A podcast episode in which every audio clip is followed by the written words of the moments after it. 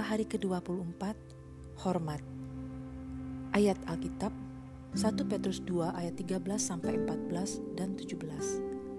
Tunduklah karena Allah kepada semua lembaga manusia, baik kepada raja sebagai pemegang kekuasaan yang tertinggi maupun kepada wali-wali yang diutusnya untuk menghukum orang-orang yang berbuat jahat dan menghormati orang-orang yang berbuat baik.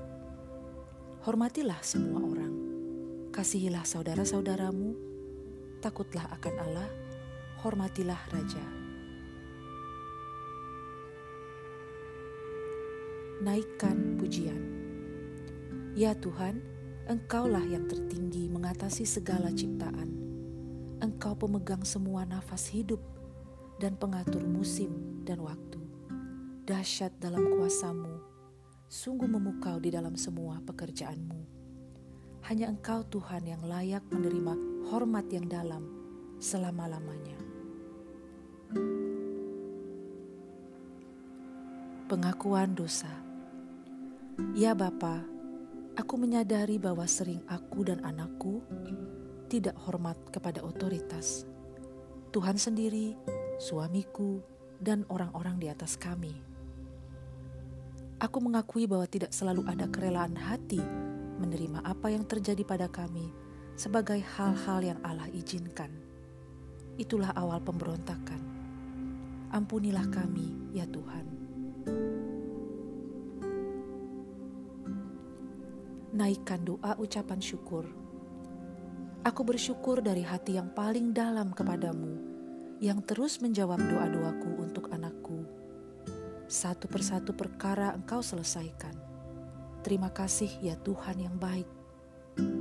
Hatiku benar-benar menyadari dan aku melihat kebajikan dan kemurahanmu mengikuti aku seumur hidupku. Ya, aku tidak lagi dipermalukan karena engkau perisai yang melindungi aku. Engkau kemuliaanku dan yang mengangkat kepalaku. Haleluya.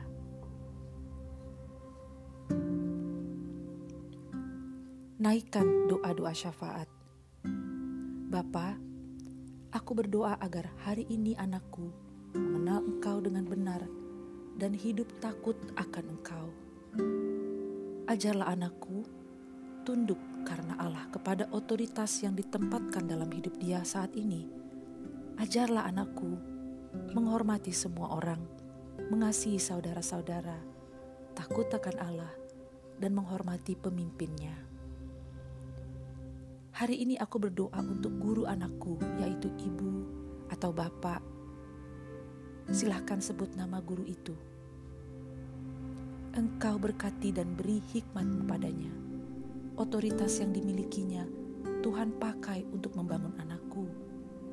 Dan biar hati anakku rela hormat padanya.